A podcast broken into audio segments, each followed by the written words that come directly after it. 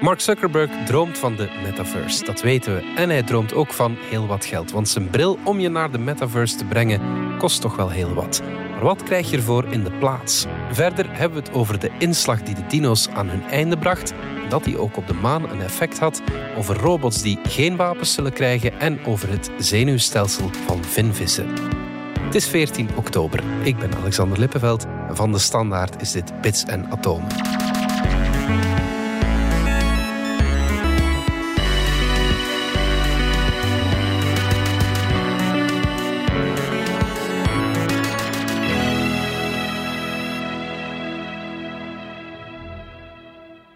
Dominique Dekmijn en Pieter van Doren. Dominique, de meeste diensten van Mark Zuckerberg zijn gratis. Denk maar aan uh, Instagram en Facebook. Maar nu brengt hij iets op de markt waar hij toch wel uh, ja, grof geld voor vraagt. Hè? Voilà, maar dat moeten we dan wel een beetje uitleggen. Dus ja, ja er komt een nieuwe VR-bril en die heet de Quest Pro. Really being present with people.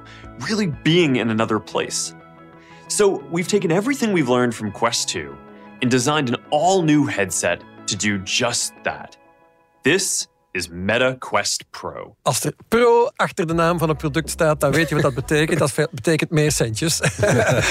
en, soms ook wel beter.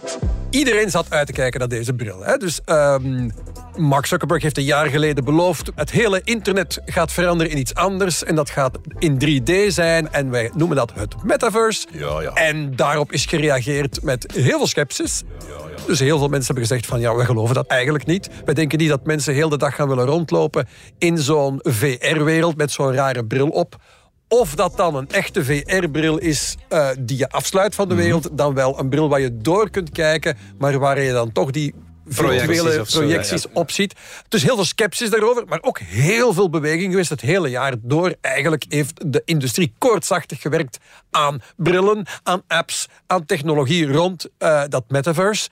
En dit was het moment dat uh, Mark Zuckerberg er iets van moest laten zien. En hij heeft toch heel wat laten zien. Ja. Work in a new way, or if you just want the very best experience that's available today, Quest Pro sets the standard.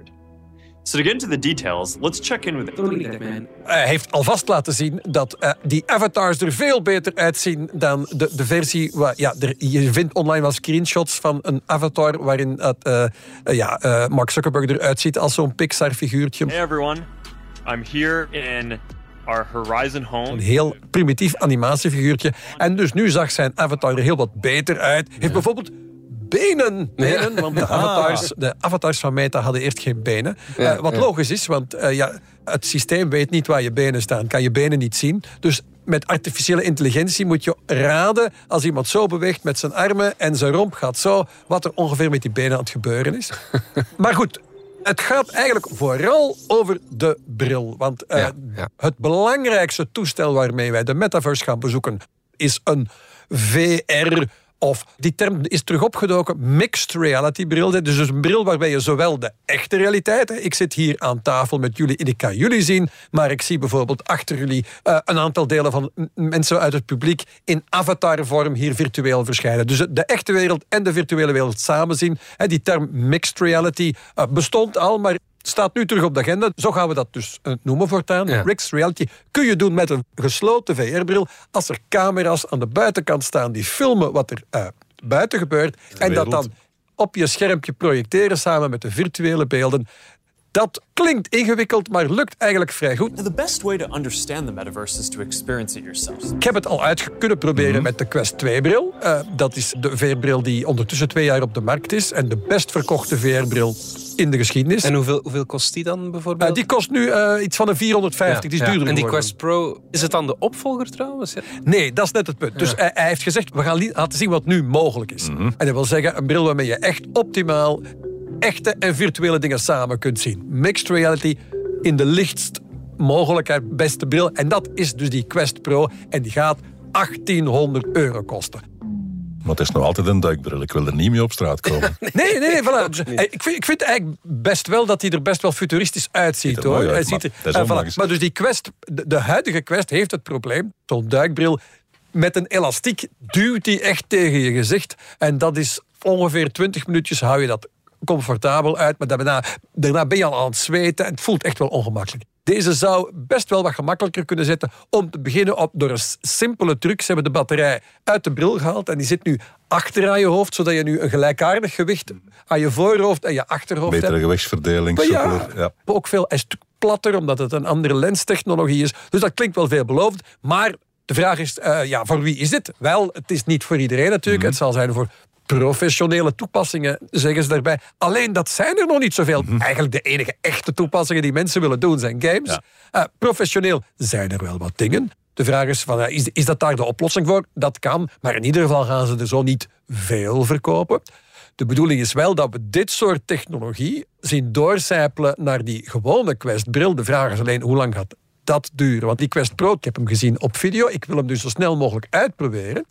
Maar ik wil hem niet kopen. 1800 euro is gewoon te veel. Ja. Dus de vraag is, hoe snel gaat dat soort technologie te koop zijn in zo'n bril van 400? En daar, zij zijn heel voorzichtig geweest om daar geen beloftes te doen en eerder te zeggen van, ja, geleidelijk gaat dat soort technologie doorcijpelen naar down, onze consumentenmodellen. Ja, da- daar weet ik wel een beetje wantrouwig van. Want op dit moment zi- zit je nu met iets dat ik denk bruikbaar is, maar niet voor hele dagen, wel voor enkele uren per keer. Ik, Ja. ik denk dat het echt fijn kan zijn voor vergaderingen, brainstorms. Ik denk, ja, ik geloof er wel in.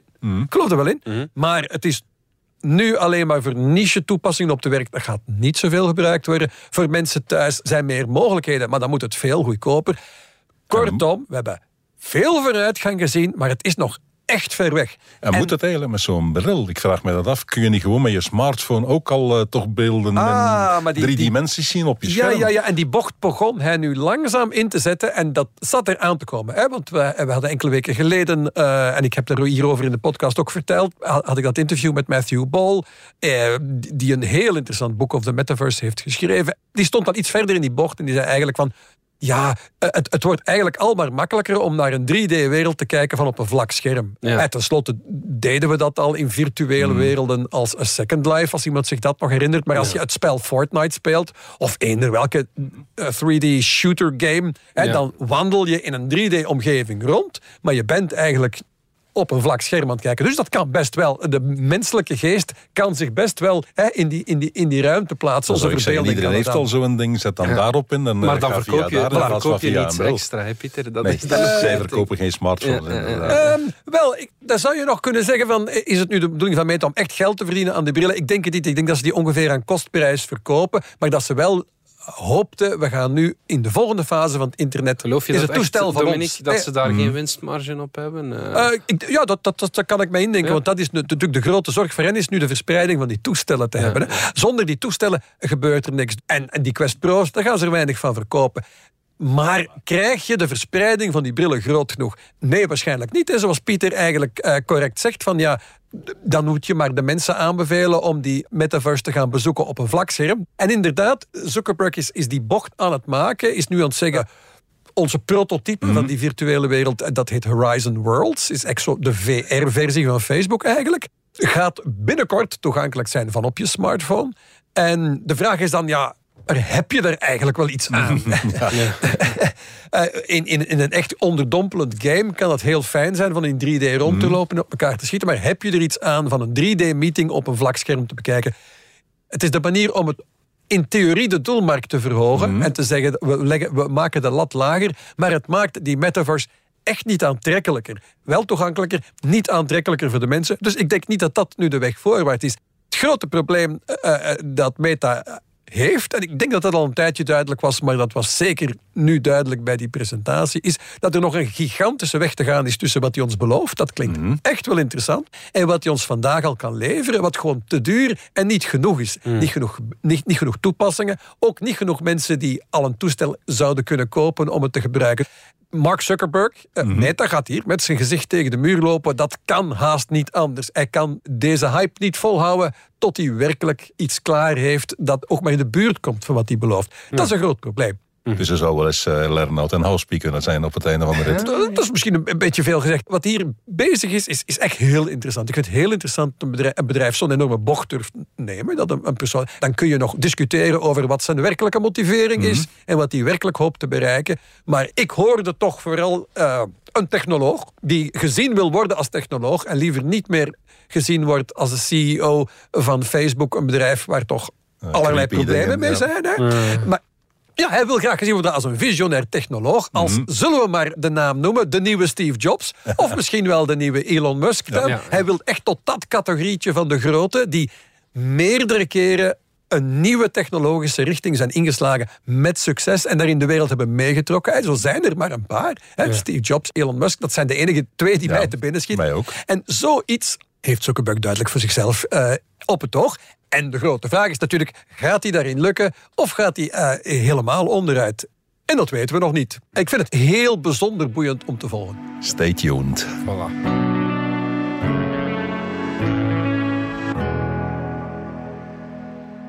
Pieter, de Chinezen zijn onlangs naar de maan geweest met een sonde die daarop eh, eventjes ingeslagen eh, is. En die heeft wel interessante dingen meegebracht die ons zelfs terugbrengen naar het einde van de dino's. Ja. Dat is sinds verrassend. 1972 geleden dat er nog eens maanstenen terug naar de aarde gebracht zijn. Ja, de laatste En eh, de. Chinezen hebben dat in 2020 inderdaad gedaan. Mhm. Dat begint nu te renderen. Al die tijd is daar onderzoek op gedaan. Mhm. En nu zijn er mensen van een, eh, de Curtin University in Australië. Die hebben uit dat eh, gesteente 135 glasbolletjes gehaald. Bolletjes van zeg een millimeter groot, sommige wat groter, andere een beetje kleiner. En dat is gesteente dat gesmolten geweest is bij een inslag van een of andere komeet of wat dan ook. De lucht ingevlogen, vloeibaar, onderweg gestold als een druppeltje. Ah ja. En nu als een glasbolletje terug naar beneden gevallen. ja. Dat gebeurt op aarde ook continu. Bij eh, vulkaanuitbarstingen, bij kraters van eh, echte inslagen zie je ook dat soort eh, glasbolletjes. Ja. En het leuke is, ze hebben nu ook glasbolletjes gevonden die even oud zijn als de inslag die op aarde dan de dino's eh, de kop gekost heeft. 66 miljoen jaar. is dat, hè? 66 miljoen jaar Ja, oud. ja. En eh, dat maakt het boeiend. Ja, ja, ja. Want de maan en de aarde, oké, heel ver uit elkaar liggen die niet, maar het is toch, Toch, nog altijd een afstand. Hè, Het is een afstandje. ja. En dat betekent ook dat de dino's niet eh, gestorven zijn aan één grote kei van 10 kilometer groot, die die inslag daar in eh, Yucatan gemaakt heeft. Ja, Maar dat die waarschijnlijk vergezeld was van een hele zwerm oké. Kleinere keien, waarvan er een deel op aarde moeten ingeslagen zijn. Die hebben we nog niet gevonden. Die zijn misschien ook al weggeërodeerd, zullen we nooit meer vinden. Ja. Maar er zijn er ook op de maan ingeslagen. Ja, oké. En dat is niet alleen zo voor die inslag 66 miljoen jaar geleden, maar ze hebben die bolletjes eh, kunnen dateren met wat men de uranium-loodtechniek noemt. Als er eh, uranium in zo'n bolletje terechtkomt, dat smelt en vanaf dan begint dat uranium te vervallen. Ja. En het eindproduct van dat verval is lood. Ja. Dus als je bekijkt hoeveel uranium zit erin en hoeveel lood zit hierin, kun je terugredeneren hoe lang dat bolletje al eh, bestaat. Ja, oké. Dus zo hebben ze ze gedateerd. Kunnen zeggen, oké, er zijn er van 66 miljoen. Er waren er ook van andere leeftijden. Die hebben ze kunnen toewijzen aan kraters op de maan. Want als je die bolletjes chemisch gaat analyseren, dan kun je zeggen, oh, dit komt van een basaltgesteente dat gesmolten is, of van een ander gesteente. Uit de samenstelling kun je kijken welk gesteente het is. Voor de maan weten we al redelijk waar die gesteenten zitten. Dus ze kunnen zeggen, alles wat we hier zien, moet van kraters binnen 150 kilometer rond dit glasbolletje komen. Het moet omhoog gevlogen zijn, teruggevallen. Maar ja. meer dan 150 kilometer, dat kan niet, want vanaf daar zien we een andere samenstelling van het maangesteente. Ja. Nee, ze zijn van dichterbij. Ja. Dus ze hebben die kraters kunnen eh, aanwijzen En dateren dan ook. en dateren. Ja, ja. En dan blijkt dat die eh, frequentie van die kraters aardig overeenkomt met wat je op aarde vindt. Ah, ja, ja. 66 miljoen hebben we al gezegd. Ehm, wanneer was het nog een keertje? 34 miljoen jaar geleden hebben wij ook een paar eh, grote kraters op aarde gekend. Ook op de maan. Ah, ja. En ook die andere bolletjes hebben ze dus kunnen koppelen aan dingen die ook op aarde gebeurd zijn. Ja, ja, ja. En dat maakt het nu leuk. Want nu kun je overal op de maan naar glasbolletjes beginnen zoeken. Kun je die gaan dateren. En als je daar een cluster eh, van kraters ziet, dan kun je zeggen... oh, hier is de maan serieus geraakt geweest. De aarde moet rond die tijd ook geraakt geweest zijn. En dan kun je weer op aarde gaan zoeken. Ja. Kun je eventueel gaan kijken in de geschiedenis van eh, fossielen. Van is hier toen iets van uitsterven geweest? Zijn hier nieuwe soorten opgedoken rond diezelfde tijd? Dus de maan kan je nu helpen om de aarde te snappen. En dat eh, maakt het spannend. Dan wil dat zeggen dat een, een inslag nooit alleen komt. Mhm. De NASA doet dan dat project met die, de DART-mission naar Ja, die ja. ene asteroïde. Die geslaagd blijkt, ja. Ja, die geslaagd blijkt. Maar dan, dan maakt dat eigenlijk niet veel uit, want dan moet je heel veel raketjes gaan. eh, dat, daar zou het wel eens kunnen op neerkomen, ja. Nu, het is niet gezegd dat geen enkele inslag alleen komt. Maar er zijn er in elk geval waar duidelijk een hele zwerm stenen in één keer onze kant op eh, gekomen is. En dat is niet zo gek. waar ze vandaan komen. Als daar een verstoring is, kan dat best wel eens een grote verstoring geweest zijn. Want de zwaartekracht van een ster die uh, dicht in de buurt komt terwijl wij door het heelal reizen. Dus het zou best eens kunnen dat er van die clusters zijn. En ja, dan, uh, dan hebben we een serieuze schietoefening. Ja. ja, ja, ja. We gaan er even uit voor reclame. Wil jij je passie omzetten in Lego-stenen? En wil je iets verwezenlijken? Met je eigen handen. Het plan uitvoeren, blad na blad, stap voor stap. Super gefocust. Je bent in het moment. En je ziet het voor je ogen groeien. Lego bouwplezier. Dat is toch het schoonste wat er is? Wil jij ook je passie omzetten in Lego-plezier? Zoek dan snel op Lego-sets voor volwassenen.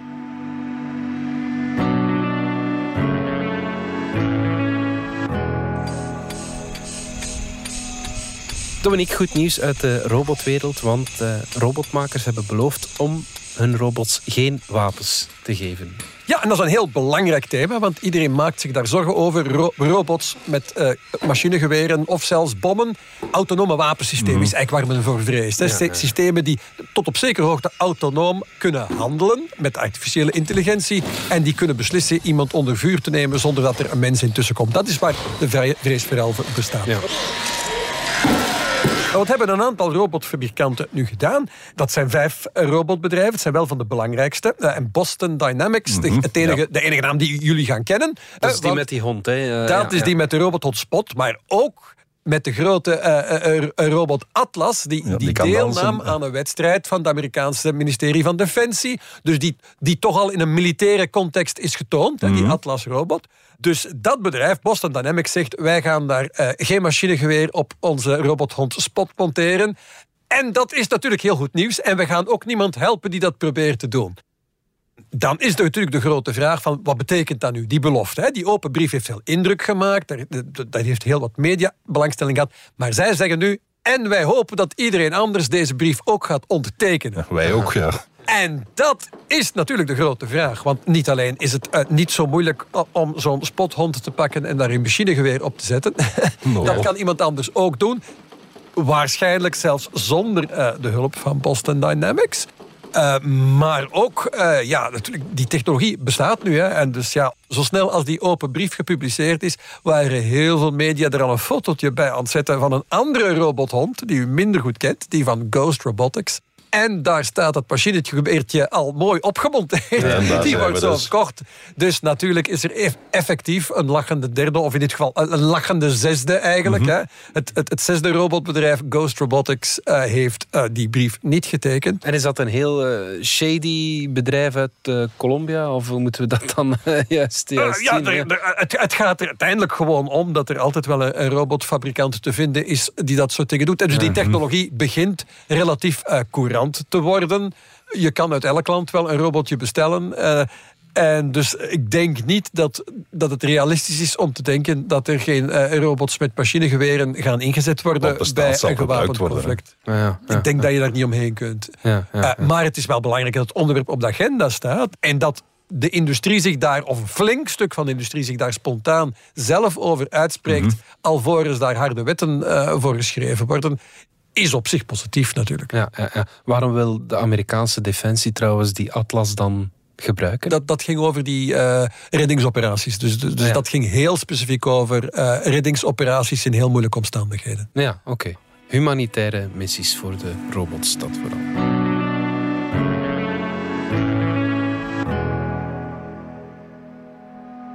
Pieter, sommige dieren zijn erg groot. Denk maar aan een uh, vinvis. En we weten nu ook hoe snel het zenuwstelsel van zo'n vinvis groeit. Ja, eigenlijk moet je niet meer spreken van de blauwe vinvis, maar van de lange vinvis. Ja, ja. nu, uh, we weten al lang dat uh, vinvissen groot zijn. Er zijn nog wel een paar dieren die heel groot worden, die dus snel moeten groeien. Want het, de groeispurt gebeurt eigenlijk in jouw jeugd. Het is niet dat je, als je 30 bent, elk jaar evenveel gegroeid bent. Het zit geconcentreerd. Ja. En we hebben ons er eigenlijk nooit veel vragen bij gesteld. Oké, dat betekent dat zo'n beest flink moet eten om uh, voorraad te krijgen om, om te groeien. ja, een blauwe vinvis wordt 30 meter, het langste dier dat ooit uh, geleefd heeft. Maar nu, Scientific American heeft de vraag gesteld aan een paar mensen en inderdaad, niemand heeft er eigenlijk echt bij stilgestaan. groeien gebeurt door cellen bij te maken, oké. Mhm. Maar zenuwcellen, mhm. Die groeien op een andere manier. Die blijven één cel die altijd maar groter en groter en groter moet worden. Ah, ja. Dus je begint als baby ergens in jouw hersenschors. eh, is er een zenuwcel die een uitloper maakt. En die contact zoekt met een andere cel waar ze wil en moet mee praten. Oké, ja. Die baby begint te groeien en die zenuwcel die wordt altijd, of tenminste die uitloper, wordt altijd maar langer en langer en langer en langer en moet opgerekt worden. Er Ja, je zou denken, daar zit een, een, een rekbaarheid eh, op. Ja, maar eh. goed, eh, ook dan, je moet toch het materiaal aanleveren om dat groeien mogelijk te maken binnen één cel en zo verder. Het, het was niet zo evident, dus men is eens gaan kijken, kan een, een zenuwstelsel wel zo snel groeien? En als je dat in laboratoriumomstandigheden, in petrischaaltjes doet, dan kom je aan een paar millimeter per dag.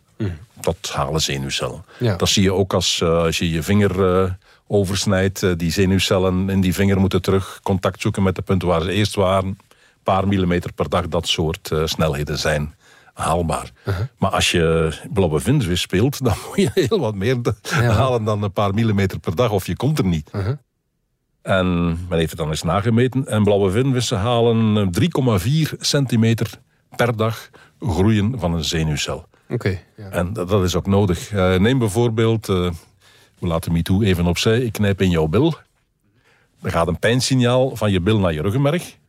Daar wordt dat overgegeven aan de volgende zenuw. En vandaar gaat het in één ruk tot in je hersenen. Ja. Dus in je hersenen zit een cel met een uitloper tot gans beneden in je ruggenmerg. Ja. Dat zijn serieuze afstanden. ja, dat zijn afstanden, ja. ja, ja. Alleen al om het materiaal uh, kinderen zo ver te krijgen om daar te gaan groeien. ja. Nu, daar hebben ze blijkbaar de zenuwcellen dezelfde oplossing gevonden als eh, gras. Je groeit niet aan het einde, maar je groeit onderaan. Je groeit aan de wortels. Oké, ja. Dus eh, het is in de hersenen dat erbij gegroeid wordt. En die hele uitloper wordt altijd maar verder en verder weggeduwd. Richt, eh, om contact te blijven houden wat, met waar hij contact moet houden. Ja, Oké, 3,4 centimeter per dag. Blijkbaar kan het van blauwe vinvissen bestaan. ja, ja. En dan hebben ze gezegd, eh, kennen we nog grote beesten? Eh, ja, dinosaurussen. Die zijn inderdaad ook groot. Hoe zou het gegaan zijn bij T-Rex en, eh, en zijn maatjes? Of nog beter bij die, die Ja, want langnek- T-Rexen zijn nog niet zo Nee, je, gigantisch. je hebt dan van die langnek-dino's met ook nog eens een lange staart erachteraan. Welke groeisnelheden moet je daar halen? Je weet wel hoe groot ze zijn als ze volwassen zijn, maar om die groei, de maximale groeisnelheid te vinden, moet je eigenlijk in je jeugd gaan kijken. Mhm. Dus moet je dinosoorten vinden waar we ook van jeugdexemplaren eh, eh, fossielen van hebben en eh, waarvan we bovendien weten hoe oud het fossiel was toen het stierf. Ja. Dat is gelukt bij Rapetosaurus. Mhm. Dat is een familielid van de Gigantosaurussen, dus die naam zegt het al. Ja. En die komt op 2,7.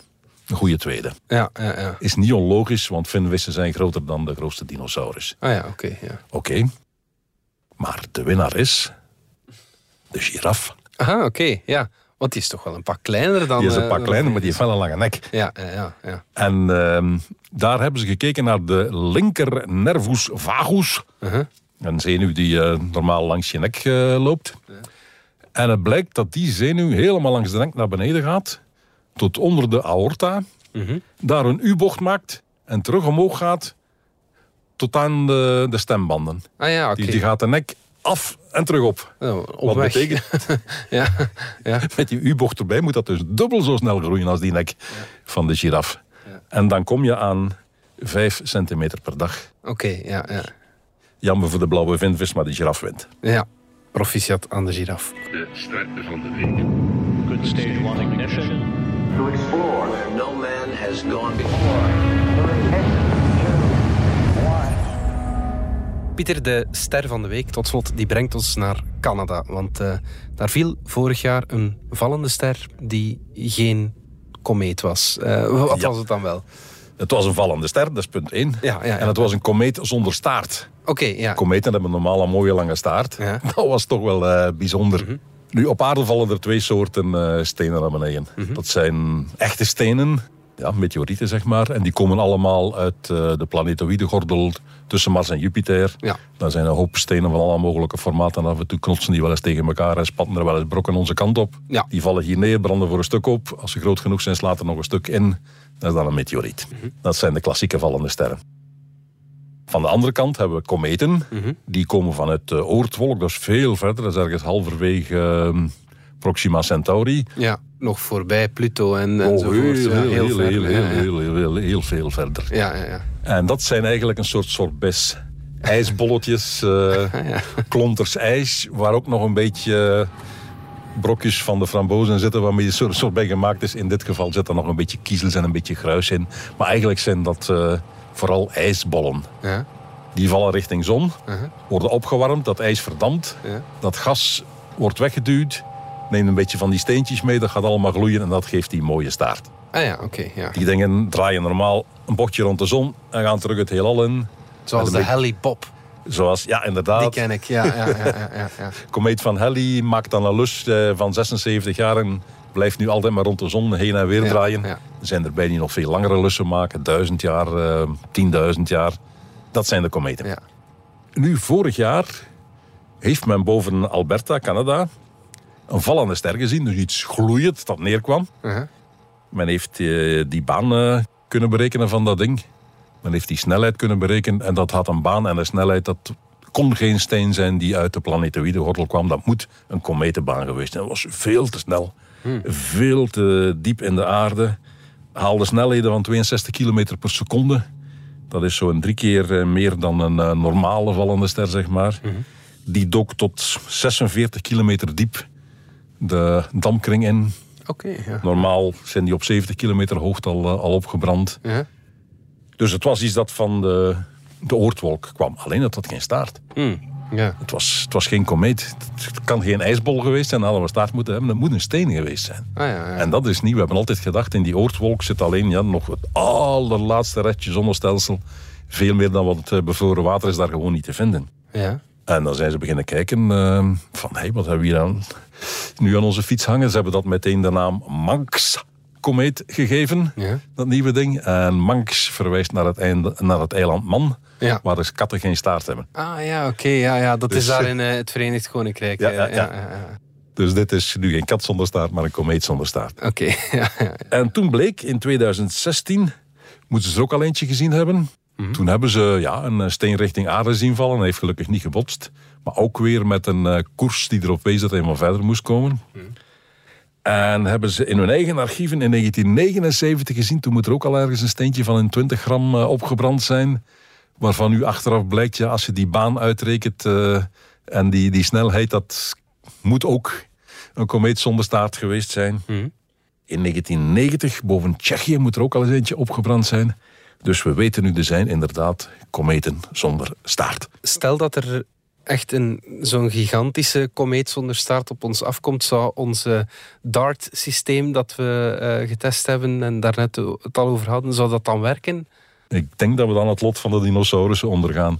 Dat ja. ding komt met zo'n snelheid af. Ja, Het heeft geen staart. Het geeft geen licht. ja, Dus het is nauwelijks zichtbaar. Een komeet zie je soms al een paar maanden van een voorhand komen. ja. En als het goed is, zie je ze zelf het laatste stuk met het blote oog. Mhm. Maar dit ding is pas 30 dagen op voorhand ten vroegste zichtbaar. Ja. En als je dan ook nog eens de baan van dat ding moet gaan berekenen... om te zien, eh, raakt hij ons of raakt hij ons niet... dan hebben we nog 18 dagen om het te gaan afschieten. En dat is zelfs voor Bruce Willis eh, niet te doen. Oké, goed. Voilà. Dankjewel. Yes, Dit was Bits en Atomen, onze wekelijkse podcast over wetenschap en technologie. Bedankt voor het luisteren. Ken je trouwens DS Podcast al, de podcast-app van de Standaard? Daar luister je niet alleen naar onze journalistieke reeksen, je krijgt ook elke week een eigenhandige selectie van de beste nieuwe podcasts op de markt. Alle credits van de podcast die je net hoorde vind je op standaard.be-podcast. Reageren kan via podcast.standaard.be. Volgende week zijn we opnieuw.